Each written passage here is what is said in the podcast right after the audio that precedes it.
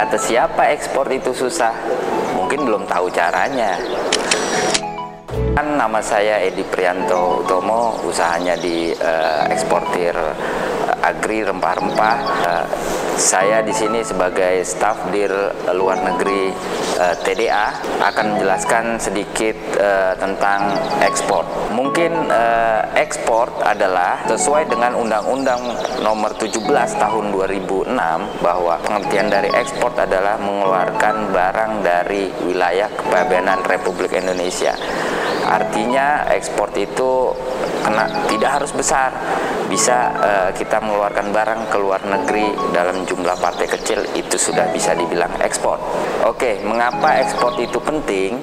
Pertama, uh, ekspor itu bisa menambah devisa negara. Kedua, uh, bisa membuka pasar baru.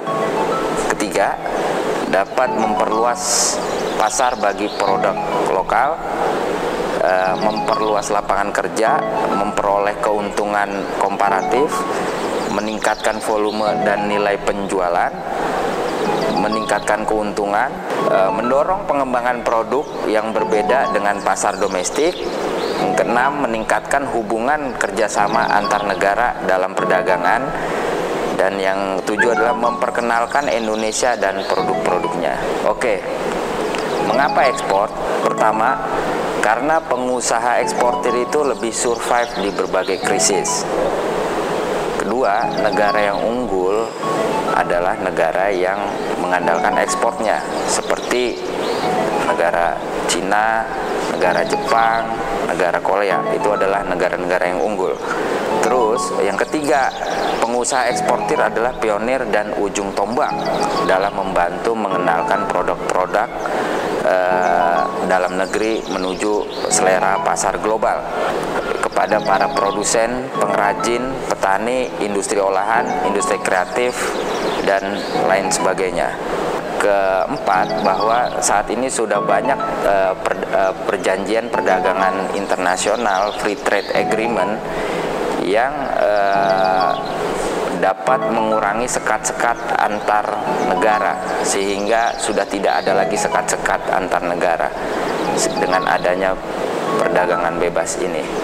Dan menurut eh, Presiden Republik Indonesia untuk meningkatkan pertumbuhan ekonomi dan mengendalikan eh, inflasi dua kunci utama yaitu mengelola ekonomi dengan baik. Salah satunya adalah uh, uh, pertumbuhan uh, ekonomi untuk menggenjot ekspornya dan investasi.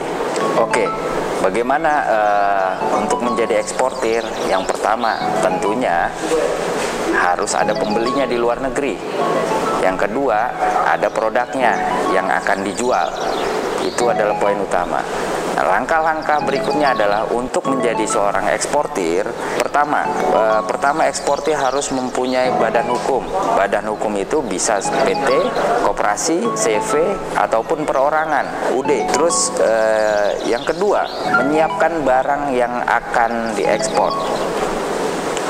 Tentunya setelah ada pembelinya. Yang ketiga, membuat invoice, packing list, dan shipping instruction.